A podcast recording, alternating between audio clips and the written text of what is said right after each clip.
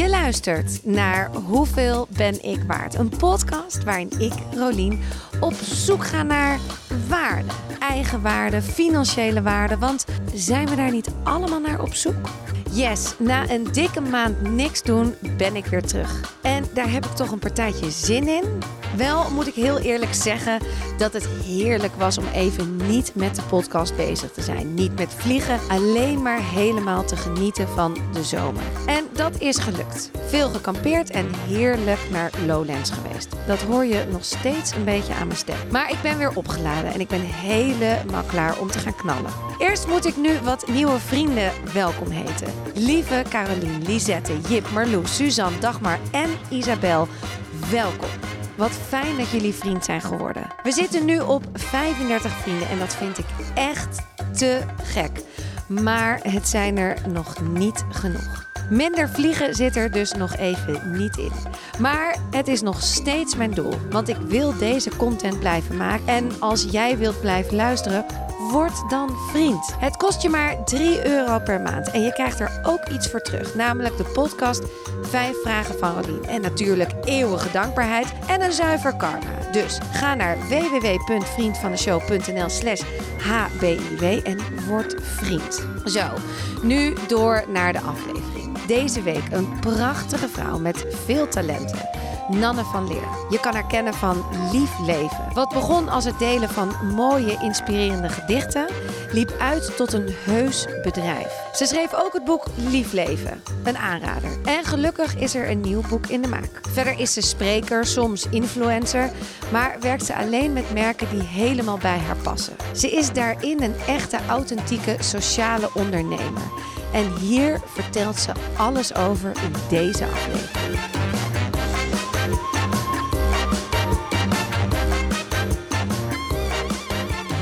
Heb jij, heb je ooit iets geluisterd? Van uh, hoeveel ben ik waard? Nog nooit! Oh, wat een schande. Want dan weet je eigenlijk ga ik ook nu niet. doen, ja, natuurlijk. vanaf nu moet je gaan luisteren. En, en want ik begin altijd, en dat is natuurlijk nu wel heel lastig, want jij moet hem nu uit je hoofd gaan doen. Ik begin altijd met één vraag. Mhm. En die luidt als volgt. Wanneer wist je voor het eerst wat je waard bent? Oeh, ik denk dat ik dat elke dag opnieuw aan het uitvinden ben. En dat er geen absoluut punt is van weten wat je waard bent. Dus ik geloof dat dat een continue zoektocht is en dat ik elke dag weer een stukje nieuw mag ontdekken. Maar was er nooit een moment dat je dacht, misschien ook qua misschien financieel of daar, ergens daartussen, dat je dacht van shit, ik, ik bijvoorbeeld met lief leven, dat je ineens zoveel volgers kreeg dat je dacht, "Oh, wat ik creëer, dat heeft waarde. Mm, ik denk dat dat heel gevaarlijk is. Want als je je waarde extern gaat zoeken, dan kom je niet bij je echte waarde terecht. Dus eh, ik denk eerder een punt waarbij ik mijn echte waarde heb ervaren, is bijvoorbeeld in een hele diepe meditatie. Dat ik voel van, oh ja, ik ben dus echt genoeg. En eh, ik hoef niet nog harder te werken, niet nog groter te worden, meer geld te verdienen, meer mensen te bereiken. Ik ben al alles waard en ik ben al waar ik moet zijn. Dus ik denk dat dat een, dat een meer waar punt is van eh, mijn waarde dan iets externs. En hoe vaak ervaar je dit dan? Deze Nou, meditatie? Zelden. Ja, is dat nou is dat wel moeilijk te zoeken af en toe? Of dat, ja, dat, dat... tuurlijk. We leven in een wereld waarin eh, wij zijn een verdienmodel natuurlijk. Hè? Zo, zo, ehm, ze hebben er de baat bij, de meeste organisaties, dat wij ons niet veel waard voelen. Want als wij ons niet veel waard voelen, gaan we het opzoeken in externe dingen. Dus dan ga je dingen kopen, toch? Dan gaan we make-up of mooie kleren en dan worden we steeds meer waard. Een grotere auto of een groter huis. Niet dat er iets mis is met al die dingen, maar vaak uh, het gaat er wel over van waarom heb je het nodig? En vaak is het toch om die eigenwaarde een beetje op te krikken, op te boosten. Um, en uh, ja, ik denk de momenten waarin je dat dan echt kan ervaren is als je even uit dat systeem stapt. Dus echt het nulpunt opzoeken, stilte, afstand, rust, meditatie, geen prikkels. En daarin voel ik mij helemaal waardig en compleet. Ja, en, maar als ik dit dan hoor, dan denk ik meteen, ja, maar ik heb, ik heb geen tijd en ik heb geen, eigenlijk misschien te weinig eigenwaarde om dit te creëren voor mezelf. Hmm. Oh, maar wat mooi dat je dat, dat je dat al kan zeggen. Dat je dat al ziet. Van oké, er zitten stappen tussen mij en dat punt. En zodra er bewustzijn zit op dat stuk, kun je daar wel gaan komen. En het is best wel een strijd, want het is dus continu jezelf aankijken van waar haal ik mijn waarde eigenlijk uit. Ehm, zo'n voorbeeld van stel je voor, je bent een grote CEO en ik heb met best wel veel grote CEO's mogen werken. Uh, en stel je voor, je raakt je baan kwijt en je vindt geen nieuwe baan. Of uh, je huis brandt af, of je rijdt je auto in de prak, of al je geld, je familie gaat bij je weg. Ja, wie ben je dan nog? Weet je wel, dat soort momenten. Of je wordt ongeneeslijk ziek, wie ben je dan nog? En we gaan allemaal dat punt in ons leven tegenkomen, vroeg of laat. Ja. En jij kan kiezen, ga ik dat voor mezelf al eerder opzoeken, dat punt, een soort nulpunt. Of gaat het leven mij testen? Ja. En dat gaat het leven sowieso doen. Ja, dat gaat het sowieso doen. Maar jij creëert dus vaker die momenten voor jezelf. Ja. Dat je de stilte opzoekt, dat je rust opzoekt. Je laat je niet afleiden dan. Op, in die momenten niet, maar eh, in de rest van het leven wel. Maar hoe, hoe blok je dan, hoe, hoe ziet zo'n moment er dan uit waarin je helemaal op zoek of helemaal die waarde voelt? Hè? Want ik denk eigenlijk dat we dat precies wat je net beschreef, daar zijn we allemaal ook naar op zoek. Dat je gewoon helemaal kan voelen, ik ben goed genoeg. Het plekje op de wereld wat ik heb, dat hoort hier helemaal te zijn. Ik ben hier met een reden. Dat zijn waardevolle gevoelens. Maar hoe. Nou, echt precies wat je zegt, inplannen. Dus ik ga één keer per jaar met mezelf op vakantie. Uh, ondanks dat ik een partner heb, hele drukke uh, agenda. Maar dan, uh, ja, dan ga ik twee weken in mijn eentje weg. Of een week, of het kan ook een dag zijn. Uh, telefoon gaat uit. Ik zoek een plek op waar ik boeken kan lezen, in de natuur kan zijn. Of ik ga op een retreat. Dat kan natuurlijk ook een hele mooie manier zijn om bij jezelf te komen. Om dat toch met begeleiding te doen. Want in je eentje kan het best wel heel rauw op je dak zijn om in de stilte in je eentje zonder telefoon, zonder iemand om je heen te gaan zitten met jezelf. Um, uh, ja, dus, dus eigenlijk ja, daar allerlei versies van. Het kan heel groot zijn, zoiets. Het kan ook iets heel kleins zijn. En dat is dat ik in mijn eentje ga wandelen in het bos. En geen telefoon mee, geen podcast op, geen muziek luisteren. Ja.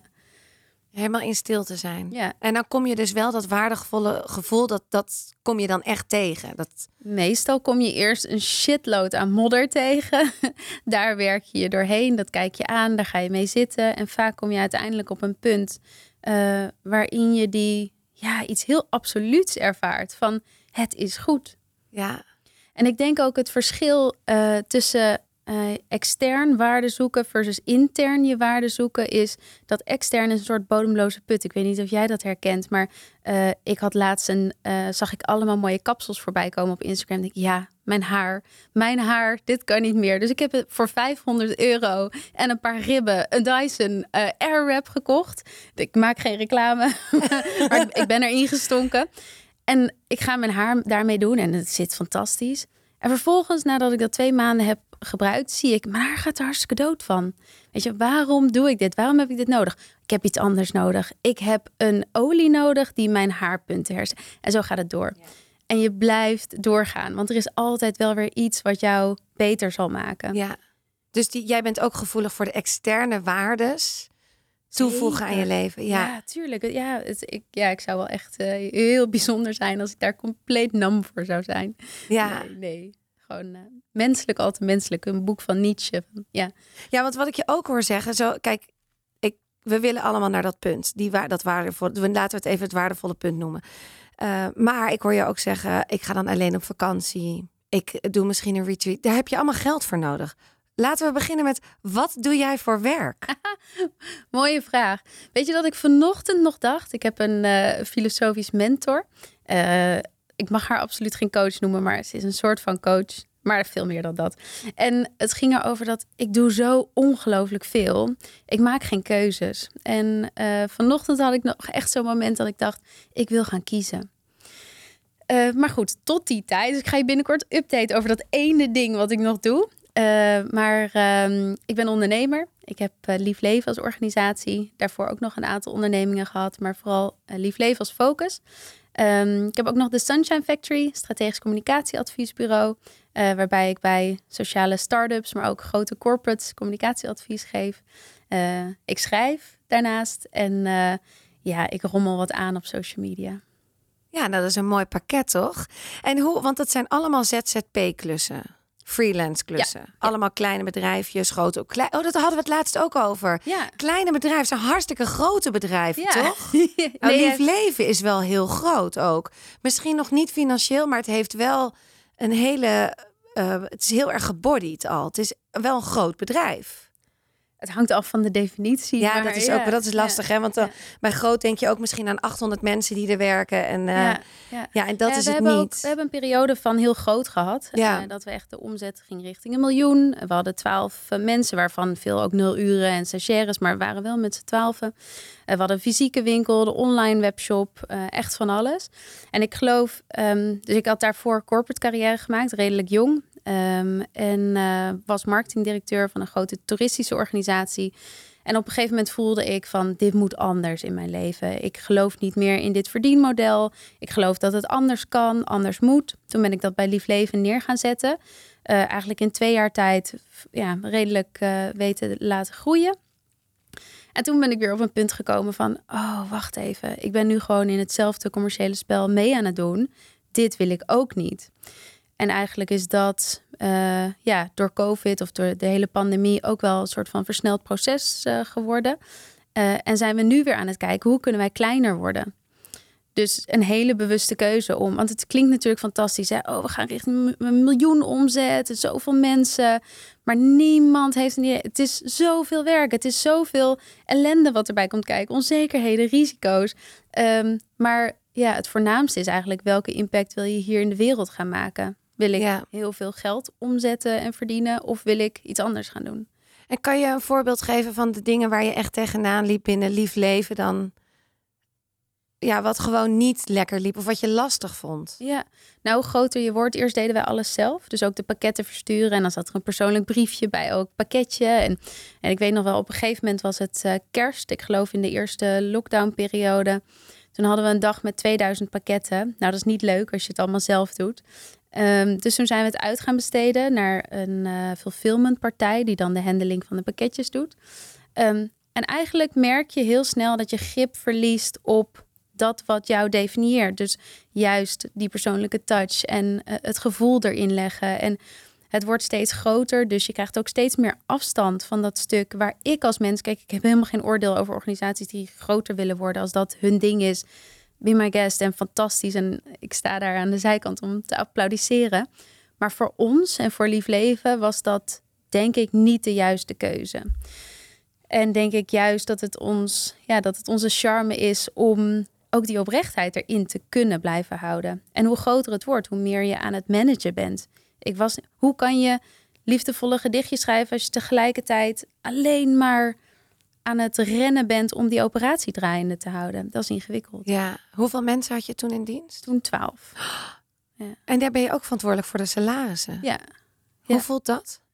Ehm, ik heb daarvoor eh, had ik bijvoorbeeld zeven teams. Want dan voelde ik ook die verantwoordelijkheid. En eh, ik voel sowieso altijd wel verantwoordelijkheid voor de mensen om me heen. Dus het is, ja, het is dat wat het is. En Ja. je voelt je gewoon verantwoordelijk. Ja, en hoeveel personeel heb je nu dan? Of werken jullie nog steeds mee? Ja, we zijn nu weer terug bij, met z'n tweeën. Dus we zijn helemaal teruggegaan. Ja.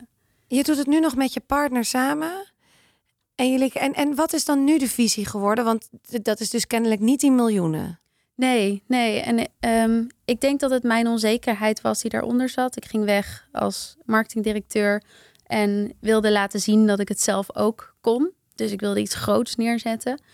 Daar heel erg mezelf in moeten aankijken. Ook dat stukje waarde. Hè? Van oké, stel je voor, ik heb niet een hele grote organisatie en iedereen weet wat lief leven is. Uh, stel je voor, niemand zou weten wat lief leven is. Niemand weet wie ik ben. Waar zou ik dan nog mijn voldo- voldoening uithalen? En ja, toen hebben we eigenlijk gekozen om weer helemaal terug naar de kern te gaan en het veel kleiner te maken. Ja. Waar haal je die voldoening dan uit als alles wegvalt? Wat Voor- is jouw Voor mij is creatie. Ja, 100 procent. Dus wa- wat ik ook doe in mijn leven, gewoon of ik nou een strategie schrijf voor een grote organisatie waarin, eh, nou ja, voor hun communicatie, of dat ik een boek aan het schrijven ben of een gedichtje, of alles gaat over creatie bij mij. En wat is creatie? Ja, van, van niets iets maken. Het is, het is een innerlijke expressie. Ja, en ik denk dat dat voor mij een hele belangrijke is, omdat eh, ik kom uit een jeugd met redelijk wat trauma. En ik denk, expressie is voor mij, ja, dat is mijn manier van leven geworden. Dat, dat maakt het leven voor mij mooi en, en soms ook draaglijk. Ja. En wat voeg je daarmee toe? Ja, mooie vraag. Hele mooie vraag. Ja, ik denk wij krijgen dagelijks tientallen reacties van mensen die onder de tatoeages zitten van mijn gedichten. Uh, of uh, dat het op een grafsteen gedrukt is. Of dat het iemand steun heeft gegeven in een bepaalde periode. Uh, ik denk een stukje steun. Ik hoop een stukje steun. En dat geeft uiteindelijk ook waarde aan jou, aan jezelf. Dus ook al is dat extern, ja. dat doet toch iets met jou. Dat laat jou ook groeien tuurlijk, in, tuurlijk. in je creativiteit, ja, toch? Ja, absoluut. Alleen ik denk dat het belangrijk is om, om bewust te zijn van welk stukje is extern, welk stukje is intern en waar voed ik me mee, waar ben ik afhankelijk van. Ja. Ja. Nee, mooi. Ik, ik, ik voel hem ook helemaal. Maar kijk, nu gaan we weer even helemaal terug naar de basis. er moet ook gewoon geld verdiend worden. Zeker. Ja, en, en geld mag toch ook groot zijn? Ik bedoel, het hoeft toch niet ik moet het maar doen met 1200 euro per maand. En dan denken, nou, dat is toch, je, daar, daar mag je ook groot in dromen. Ja, Droom je daar groot in? Ja, absoluut. En um, ik, um, het is bijna of je, alsof je um, het vraagt alsof ik de overtuiging heb dat het niet zou mogen. Maar nee, absoluut niet. Ik denk wel dat ik daar, mijn ouders komen allebei uit de zorg. Hebben altijd. Uh, nou ja, voor geen riant salaris uh, heel hard gewerkt. En ik heb gezien wat hun werk voor impact heeft gehad. Dus uh, daarin, mijn vader zei altijd: ga niet de zorg in. Want je moet super hard werken en je verdient niks. Nou, toen ben ik de corporate wereld ingegaan. Heel jong, heel veel verdiend. En um, toen ook gaan zien van ja, dit is ook niet weet je, heilig of zo. Weet je? En wat betekent dit nou? Ja. Ik denk dat het heel belangrijk is dat je een veilige financiële basis hebt, waardoor je niet de onrust hebt van financiële zorgen. En als je dat hebt, dan is alles mooi meegenomen. Maar weet ook waar jouw tax ligt. Ja. Weet je, die hele Insta-community van de Ferraris en de ik moet een eh, ton of een miljoen per jaar omzetten. I don't care. Weet je, wat doe je voor de wereld? Hoe zet je je maatschappelijk in? Wat doe je met je geld als je wat over hebt? Weet je, dat, dat vind ik veel interessanter dan. Uh, dus ja, een veilige financiële basis. En die mag heel riant zijn. Um, maar verder vind ik het vooral interessant wat je met dat geld doet. En, uh... Ja, hier ben ik het helemaal mee eens. Je mag veel geld verdienen, heerlijk zelfs. Maar het is ook belangrijk hoe je je geld weer in de maatschappij gebruikt. Wat geef je terug? Want alles is alleen maar voor mij, is niet echt hoe we een fijnere en mooiere wereld maken. Maar Nanne, vertel. Het bedrijf Lief Leven. We hebben, uh, we hebben een pittige periode gehad. Dus wij uh, we stonden tegen faillissement aan. Dus we hebben eigenlijk een jaar lang zelf geen salaris uit Lief Leven gehaald. En nu halen we daar wel weer salaris uit zelf. En, uh, en hoe dan? Hoe bedoel je hoe dan? Nou, hoe, hoe, want het zijn, het zijn, je hebt natuurlijk, het is een webshop. Ja. Maar loopt dat goed, een webshop? Ja. Oh, wat heerlijk. Ja. Ik heb daar dus nul uh, verstand van. Ik heb geen idee. Hmm. Uh, ik ben sowieso de laatste tijd iets niet, niet zo'n uh, flinke koper meer. Ja, dat wat is ook goed. echt onzin. Oh. Maar vaak op vindt het of dan is het voor de kindjes, oh, weet goed. je wel. Dus ja. dan. Um, maar uh, nou, maar ik vind, het wel, ik vind het wel interessant dat daar komt dus wel weer geld uit. Zeker. Ja, ja. en dat loopt weer, dat loopt weer goed. Ja, nou, dus wat wij, wat, wat, waar het misging was eigenlijk dat we zo snel zo groot werden Ja. in COVID. Uh, toen hebben we dingen uitbesteed wat uiteindelijk zoveel geld kostte. Uh, ja, dat je dan eigenlijk bij de tweede lockdown liep de, liep de omzet terug. Zag je dat mensen een beetje op hun geld gingen zitten. Nou, er gebeurde van alles in de markt. Uh, inkoop werd duurder, allerlei factoren die daarop invloed hadden. En um, toen hebben we een hele moeilijke fase gehad. Moesten we een lening aangaan. Nou, dat hebben we bijna allemaal afgelost. Zijn weer een gezond bedrijf. Dus daar ben ik ook super, super trots op. Van we hebben echt gebikkeld die tijd. Gewoon ja, fulltime werken voor helemaal niks. En toch alles geven. En, uh, en daarin ook een soort van realigned. Want op een gegeven moment verkochten we echt vrijwel alles. En nu hebben we gezegd, eigenlijk alleen maar wat jou kan ondersteunen in je persoonlijke ontwikkeling. Dat is wat we verkopen. Uh, dus heel veel edelstenen, um, nou, natuurlijk de gedichtenbundels, dat soort dingen. Um, maar um, ja, er komen ook yoga-producten aan. Dus eigenlijk alles wat jou op die reis kan ondersteunen. Ja. Ja, en, en dat loopt uh, nog steeds. En hoe bepaal je dan prijzen? Want dan ook, je maakt dan gedichtjes. Hoe, hoe heb je dan ooit, of gedichtjes, ik vind het zo, een, je maakt echt mooie, intiem, ook soms persoonlijk. Kunnen mensen aanvraag doen, toch? Als Zeker, ze dat willen. Ja. Hoe bepaal je dan een prijs? Uh, nou, dat hebben wij denk ik de eerste jaren niet goed gedaan. Als je het hebt over wat ben je waard, denk ik dat wij vooral alles gratis wilden weggeven. Dat kwam ook, kijk, Lief Leven is begonnen als mijn dagboek. Het was niet de intentie om daar een organisatie van te maken. En toen op een gegeven moment toch die stap genomen om er een bedrijf van te maken. Ehm, en ik dacht dat we nog steeds heel erg de instelling hadden van wij moeten gewoon iedereen helpen. Was ook mijn, mijn kindtrauma van ik moet iedereen helpen. Ik moet er vooral zijn voor anderen. En het maakt niet uit wat ik zelf, uh, zelf verdien of wat er binnenkomt. En um, nou ja, toen we dus, eigenlijk was dat bijna faillissement een heel groot cadeau. Want toen hebben we moeten gaan kijken van, oké, en wij dan? Weet je, we hebben een jaar lang nu fulltime hiervoor gewerkt en niks zelf verdiend. Hoe gaan we daar wel weer iets gezonds van maken? En blijkbaar moest het zo groot worden dat ik dus echt niks meer kreeg uit die, die omzetbron in ieder geval. Um, om in te zien dat ik dat beter moest inrichten. Dus jij vroeg naar hoe bepaal je je productprijzen. Ja, daar moeten gewoon gezonde marges op zitten, zodat je hele organisatie erop kan draaien. En daarin moeten alle kosten worden meegenomen. Zelfs dat handgeschreven kaartje wat je erin doet en de tijd die je daaraan besteedt. Um, en dat had ik daarvoor totaal niet gezien. Nee. En durfde je het misschien ook niet te vragen? Vond je dat het het misschien niet waard was? Want dat je het dus moest geven. Ja, ja nou, ik denk dat dat hem heel erg zit in dat ik Lief Leven nog steeds als mijn dagboek zag of een hobby en niet als organisatie. Want in de corporate organisaties waarin ik zat, was ik, ben ik heel commercieel en zie ik dat soort dingen. Alleen, ja, zodra je dat voor eigen parochie eh, doet, is het toch een stuk ingewikkelder. Ja. Ik weet niet of je dat herkent. Ja. Het is altijd. Uh... Het is heel persoonlijk. ja. En, en ik herken ook heel erg dat je alles wil weggeven. Van tuurlijk, content. Ja, neem het maar. Want ik vind het leuk om te maken. Ja. En ik vind het leuk om te doen. En ik kan het nou, dan, tuurlijk. Ja. Maar het is op een gegeven moment. Nou, dat vind ik ook wel een grote shift in eh, de laatste tijd. We hebben nu de Liefleven Familie, een soort abonnementsvorm. En daarin hebben mensen ook gevraagd van. Wil je ons steunen die creaties? Kijk, het schrijven van gedichtjes, dat heb ik acht jaar lang gratis en voor niets gedaan. En um, alle content die we hebben gemaakt, dat geef je natuurlijk weg. Daar krijg je geen geld voor. En sommige mensen vonden ons dan te commercieel worden, uh, omdat we producten verkochten en daarover spraken. Um, maar toen had ik wel zoiets van: ja, maar wacht even, wij doen uh, de helft van ons werk helemaal voor niets. Dus het moet ergens uit terugkomen. dus toen zijn we ook een paar commerciële samenwerkingen gaan doen, wel die voor ons echt kloppend waren. Um, hoe kwamen die samenwerkingen dan op je pad? Ja, zij kwamen bij ons aan. Ja, dus we hebben daar zelf nooit heel actief. Uh, dat, dat zou mogen, dat zou kunnen, maar ja. Ja. En, uh, en ook heel even door naar de, want je bent ook spreker. Ja. En je wordt gevraagd voor events. Hoe doe je dat? Dat is via bureaus, bijvoorbeeld zoals Cup of Ambition, waar we beide bij zitten. Ja. Oké, hier wil ik even een shout-out doen. En hoe fijn dat ik dat gewoon kan doen. Het is tenslotte mijn podcast. Anyhow, A Cup of Ambition is een organisatie, een bedrijf, opgericht door Brit Jacobs. En inmiddels zijn Joya van den Boog en Aniek Versluis ook partners. Hun doel is more women on stage. Dus ben jij een organisatie of werk je voor een bedrijf dat binnenkort een event organiseert en wil jij echte powersprekers? Ga dan naar www.acupofambition.nl. Daar vind je onder andere ook Nanne en mijzelf.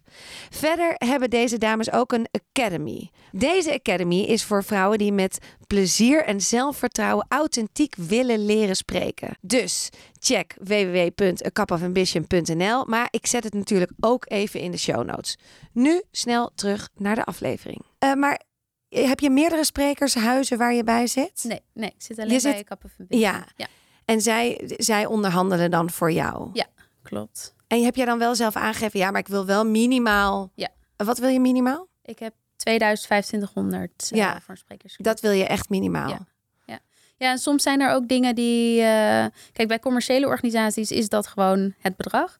En als er kleinere partijen zijn, natuurlijk, dan kijken we gewoon wat haalbaar is voor die partij, voor mij. En ik doe ook genoeg dingen gratis. Ik, ik doe nog steeds heel veel dingen vrijwillig. Ik ben ambassadeur van de B Foundation, voor Join for Joy. Uh, dus dan spreek ik ook op veel events voor, ja, voor niks. En het geld gaat naar die organisaties. Dus ik ben heel bewust. Uh, uh, nou ja, bijvoorbeeld als je het hebt over sociaal ondernemerschap, gaat het er dus wel altijd over van welk stukje is voor mij, welk stukje draag ik bij aan de aarde. Dus als wij een product hebben bij Lief Leven, bijvoorbeeld een gedichtenbundel. Nou, we hebben een partnership met Trees for All, dan planten wij weer bomen terug. Dus bij alles wat ik doe, kijk ik wel wat is de impact voor mij, wat is de impact voor de maatschappij. Dus wat krijg ik, wat geef ik terug. En die is bij mij in alles wat ik doe heel belangrijk. En waarom is dat zo belangrijk voor jou? Ja, ik, ik denk uh, uit het superlinkse gezin waar ik uitkom. Dus mijn ouders die altijd in de zorg hebben gewerkt. En um, ja, het is gewoon mijn, mijn opvoedbasis geweest. Van dat doe je. Ja, wij gingen vroeger altijd twee weken met een groep gehandicapte kinderen op vakantie met mijn moeder. En beste vriendin van mijn moeder had een gehandicapt uh, kind. En dat was fantastisch. En sliepen we in tipi-tenten. En, maar al heel jong leerde ik van het gaat niet alleen maar over jou. En ik vind dat ja, vind ik soms ook heel moeilijk aan de maatschappij waarin we leven, waar alles over het individu gaat. Um, ik kom net terug uit Afrika, waarin uh, Kenia en Zambia. En daar als je een kind van acht vraagt van wat wil je later worden, dan is het uh, dokter, want dan kan ik een huis voor mijn ouders bouwen. Ja. Ik ben benieuwd als je een kind hier uh, vraagt. Het zijn ook allemaal fantastische kinderen natuurlijk. Maar het is zo'n zo'n gemeenschapszin. Alles gaat over wij en niet over ik. Ja. Ja, dat had ik laatst ook. Ik, was, ik, sprak je daar ook een beetje over. Want ik was laatst bij Thijs Launsbach op Lowlands. Had hij een, een, een speech. En toen, of een speech, hoe heet dat? Een soort korte lezing van een half uur. En toen zei hij ook waar hij moeite mee had, is dat met tegenwoordig uh, gaat het allemaal over intenties zetten. En die intenties zijn 9 van de 10 keer: ik wil een Ferrari. Ik wil een groot.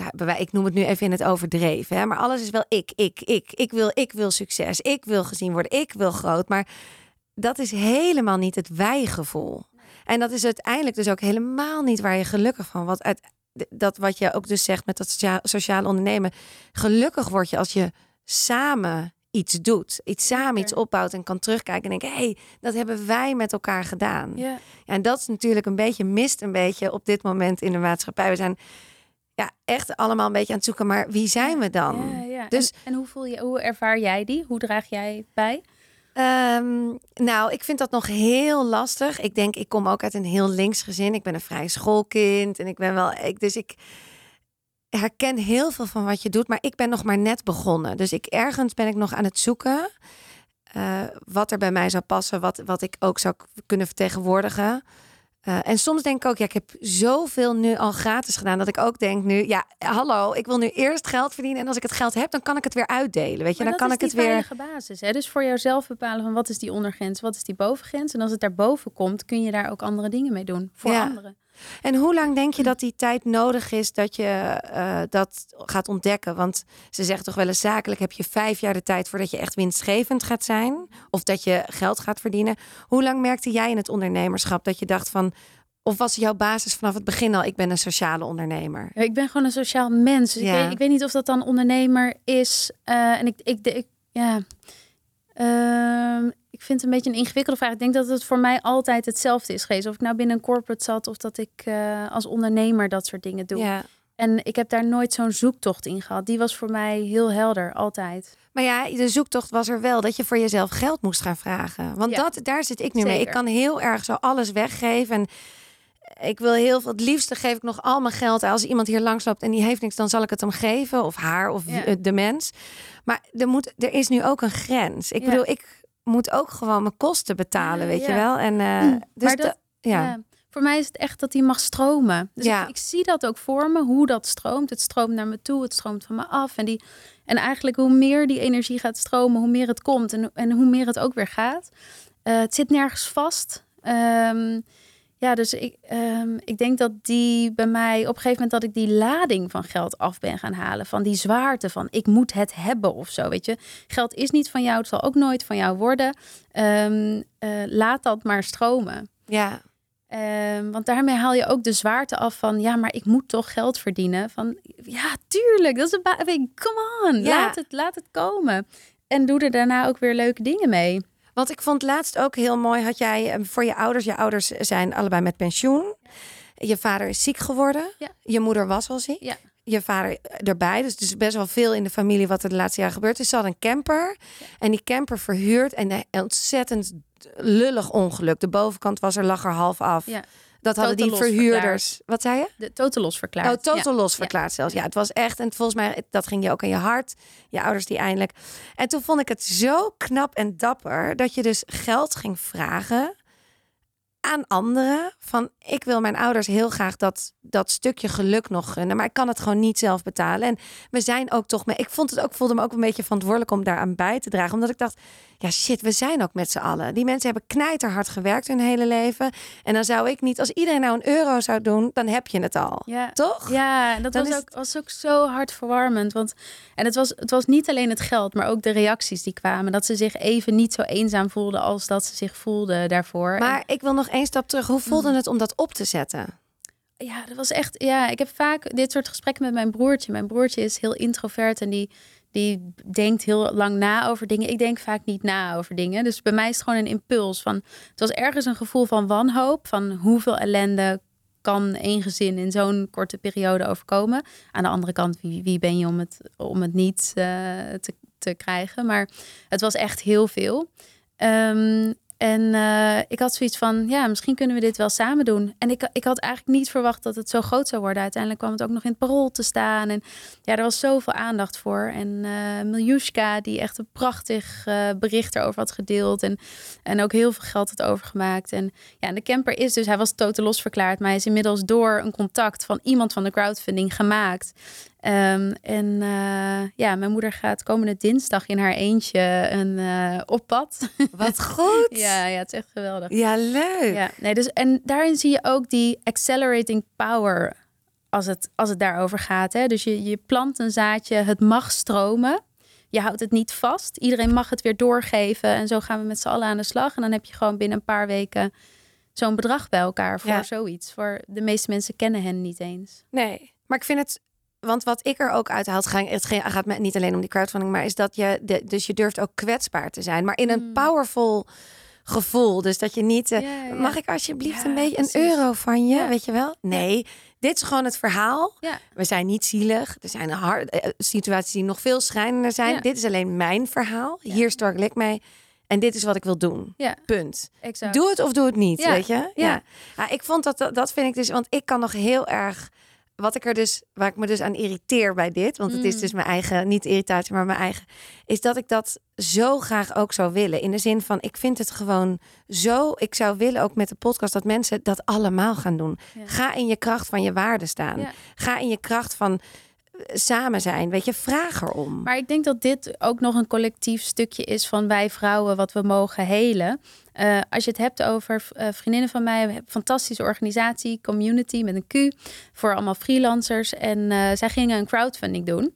En dat is hartstikke goed verloop. Maar wat je eigenlijk, wat zij ook deelde in de statistieken, is dat, nou, nu heb ik de statistieken niet helemaal vers in mijn kop zitten, maar dat het veel moeilijker is voor vrouwen om Oh ja, top, dank je. voor vrouwen om te crowdfunden. En dat er veel minder geld wordt opgehaald uh, over het algemeen nog door vrouwen dan door mannen. En dat is mannen die zeggen gewoon: ik heb dit idee, ik ga ervoor staan. En uh, weet je, je moet dankbaar zijn als jij in mij mag investeren. Uh, want uiteindelijk gaan investeerders natuurlijk ook gewoon rendement uithalen. En vrouwen zijn nog heel erg van het gevoel zich te moeten bewijzen eerst en dankbaar te zijn voor iemand die dat geldt. Terwijl er is meer dan genoeg geld in de wereld. Het gaat daar niet over. Het gaat inderdaad over dat stuk waar jij net over hebt van ga in je waarde staan. Ja, en waarom kunnen we dat niet? Welke overtuigingen liggen daar dan nog maar op? moet je eens indenken dat onze oma's nog niet eens werkten. Nee, het is ook zo kort geleden. Het, het gaat heel geleden. snel. We zijn dit pas net aan het doen. Ja. De, de, er zijn pas twee generaties aan vrouwen, misschien net drie, die carrière aan het maken zijn. Er zijn pas twee generaties vrouwen die aan de top van het bedrijfsleven staan. Er zijn pas twee generaties vrouwen die aan het ondernemen zijn. Ja. Op deze manier in ieder geval. Ja, ja en misschien nu nog meer na corona. Ik bedoel, we zitten nu op een miljoen freelancers, ZZP'ers. Dat is gigantisch. Ja, dat is niet normaal. En geweldig. Ja. ja. Ja. Maar um, dus ik, ik denk ook van ja, we hebben ook met, met elkaar hier een opdracht in. Weet je, we hebben iets neer te zetten. Ja. Helemaal voor de generatie die ons weer gaat opvolgen. Van laten wij met elkaar de weg vrijmaken voor hen. Ja. Dus meer in die waarde gaan staan. Zonder dat de nadruk zo op geld komt te liggen. Want uh, het gaat er toch echt die gezonde relatie met geld. Dus niet die Dagobert Duk van hebben, hebben, hebben, alles voor Bassie. Maar die gezonde, stromende, mooie relatie met geld. Visualiseer je wel eens geld? Ik heb laatst van een vriendin had ik een money spray gekregen. Dat was echt prachtig. En toen zijn er twee wonderen gebeurd. De ene was de crowdfunding van mijn ouders. En de andere waren vrienden van me. En daar had ik de money spray overheen gespreid. toen hadden ze hun huis gekregen. Wat nog, waar heel veel risico's aan vasthingen. Dus uh, ja, dat kan, dat heel, is kan heel mooi zijn. Ja, nou ja, en het is, ik wil dat ook echt meer gaan doen, visualiseren. En dan niet precies wat je zegt op geld, maar wel hoe kan ik het laten stromen? Want ik heb ook nog dat ik heb het gaat al veel beter vergeleken anderhalf jaar geleden door deze podcast. Maar ik merk dat ik ook inderdaad in de verkramping met mijn geld zit. Dus ik wil het of heel snel uitgeven, want dan is het er niet. Dan hoef ik me ook geen zorgen te maken, want ik heb het niet. Uh, of ik heb het op mijn rekening en ik check het elke dag vier keer van God staat het er nog op? Want wie weet is ineens mijn rekening. Gewoon dus de verkramping. Maar het is natuurlijk ook, als je het hebt over visualisaties, waarom zouden we over uh, geld visualiseren? Maar hoe zou je het dan? Want het, hoe zou je het dan willen visualiseren? Het, wat ik wil neerzetten in dit leven. Dus wil ik, een, wil ik een community bouwen waarin mensen zich, zich beter gaan voelen over zichzelf. Dan is dat mijn focus. Dan ga ik dat visualiseren. En geld is het effect daarvan. Dus hoe krachtig ik iets in het leven weet neer te zetten of te manifesteren. Ehm, is geld daar een gevolg van? Geld is niet het doel, het focuspunt. Dat is het gewoon niet. Nee. Maar je kan wel degelijk jouw relatie met geld onder de loep nemen, natuurlijk. Ja. Heb jij een goede relatie met geld altijd gehad? Nee, nee. Ik denk dat ik heel lang die waarde niet heb gevoeld. En ook heel erg geld als vies zag. Dus gewoon ja, zo snel mogelijk weggeven, doorgeven. Alles aan anderen weggeven. En ik heb uh, nou, een tijd geleden ben, moest ik echt gaan bijhouden uh, van oké, wat, wat geef ik allemaal aan anderen uit? Dat was krankzinnig. Um, dat is ook zo mooi, hè? Als je bij vriendinnen langskomt, dat je altijd iets mee moet nemen. Nou, dus ik nam echt nog net geen bak met, met solide goud mee. Maar weet je, ik zorgde dat ik altijd wel met overweldigende dingen binnenkwam. En nu ben ik echt aan het oefenen om gewoon te zijn. En met lege handen binnen te komen en te voelen van... het is genoeg dat ik er ben met mijn liefdevolle aandacht. Ja. Uh, en dat, als je die hele kleine dingen gaat zien, dan gaat dat doorwerken op ieder niveau van je leven. En ga je ook zien dat geld het leuker vindt om bij jou te blijven omdat jij niet continu van, oké, mag weer weg. Ja. ja, want geld is eigenlijk, kan je ook gewoon volgens mij zien als een persoon. Hmm. Het is gewoon, en hoe ga je om met die persoon? Doe jij inderdaad als walging er naar kijken? Ja, dan denkt dat geld natuurlijk ook, dag, gaan we naar de volgende, toch? Zijn ja. we gezellig in dit huis? Ja. Terwijl als jij gewoon liefde voor bent, dan is het ook gezellig in jouw huis, toch? Ja, je ja, ja, ik denk dat dat, en dat is hetzelfde met angst en alle dingen die, je die, waar overtuiging op zit, dat kan je gewoon zien als een persoon. Ja. Ja, eh, ja, mooi. Ik heb ook nog wel een inzicht wat ik heel erg merkte was uh, die angst voor tekorten. Van waar komt dat nou vandaan? En um, mijn opa en oma zijn kinderen van de oorlog. Mijn ouders zijn daar kinderen van. bij mij was het dan vooral aan mijn vaders kant.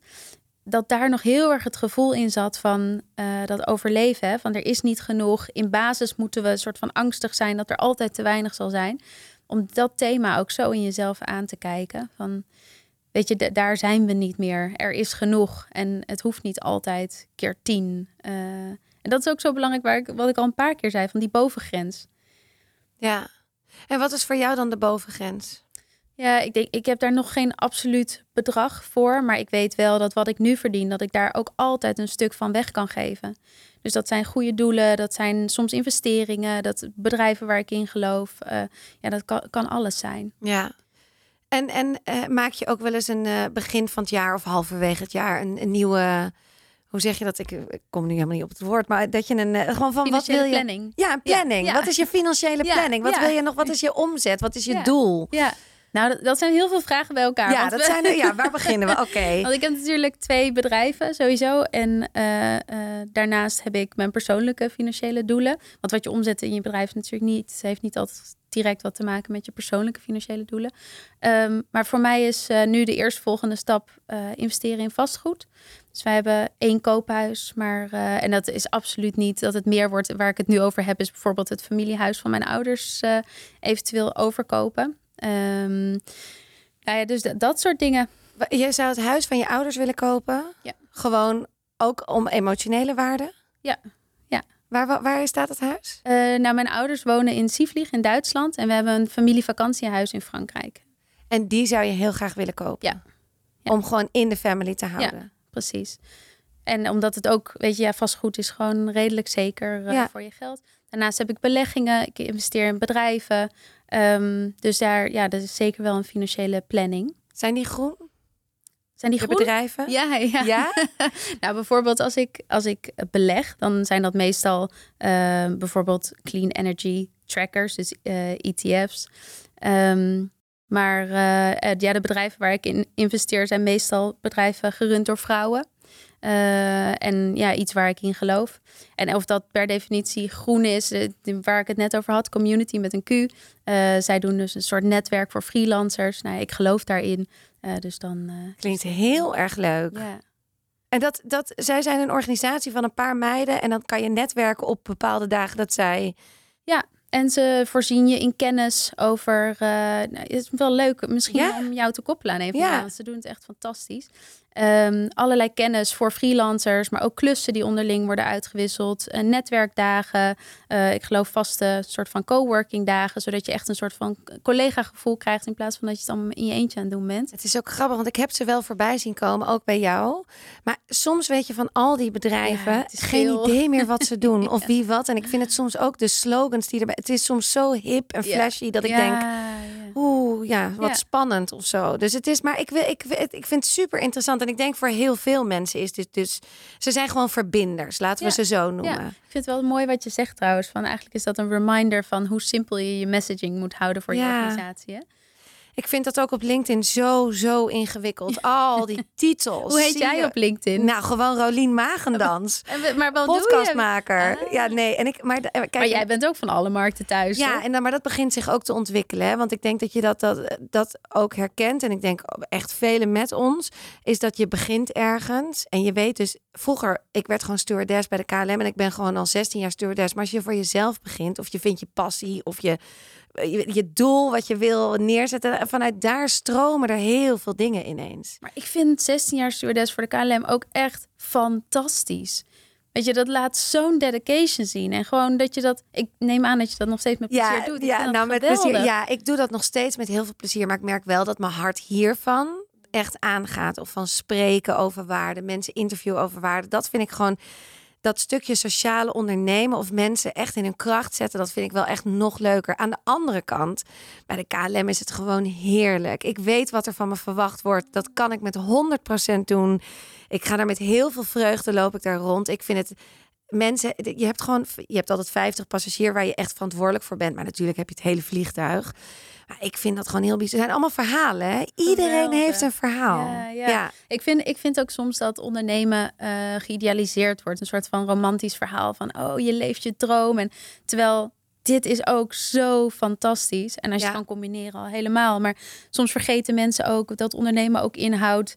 eh, dealen met een boekhouding, met onzekerheden, met ontslagen, met een dreigend faillissement. Soms, weet je, er zijn, eh, ze zeggen toch altijd zeven vette jaren, zeven magere jaren. Van, ja, je gaat van alles meemaken. En ondernemen is zo'n gigantische spiegel. Je komt jezelf elke dag weer tegen.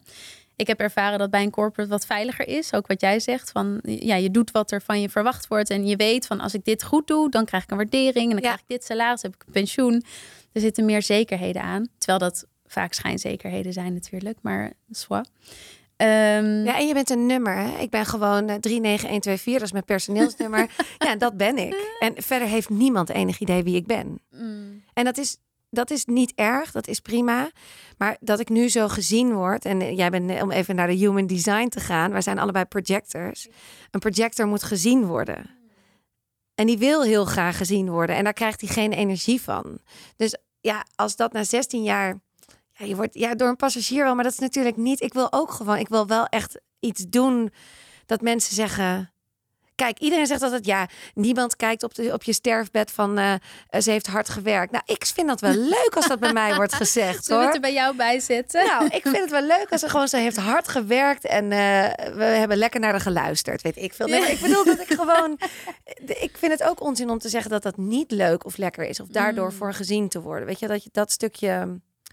Dus ja, het is allebei. Ik snap ook dat ondernemen. Ik, als ik jou ook hoor nu, dan denk ik: oh nee, wat jij allemaal doet, dat wil ik niet hoor. Dat durf ik niet.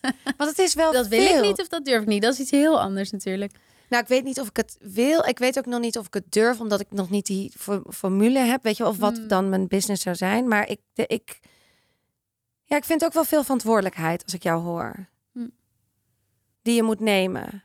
En heel veel wat je zegt, je echt jezelf tegenkomen. Want een faillissement, bijna, vervolgens doorstarten.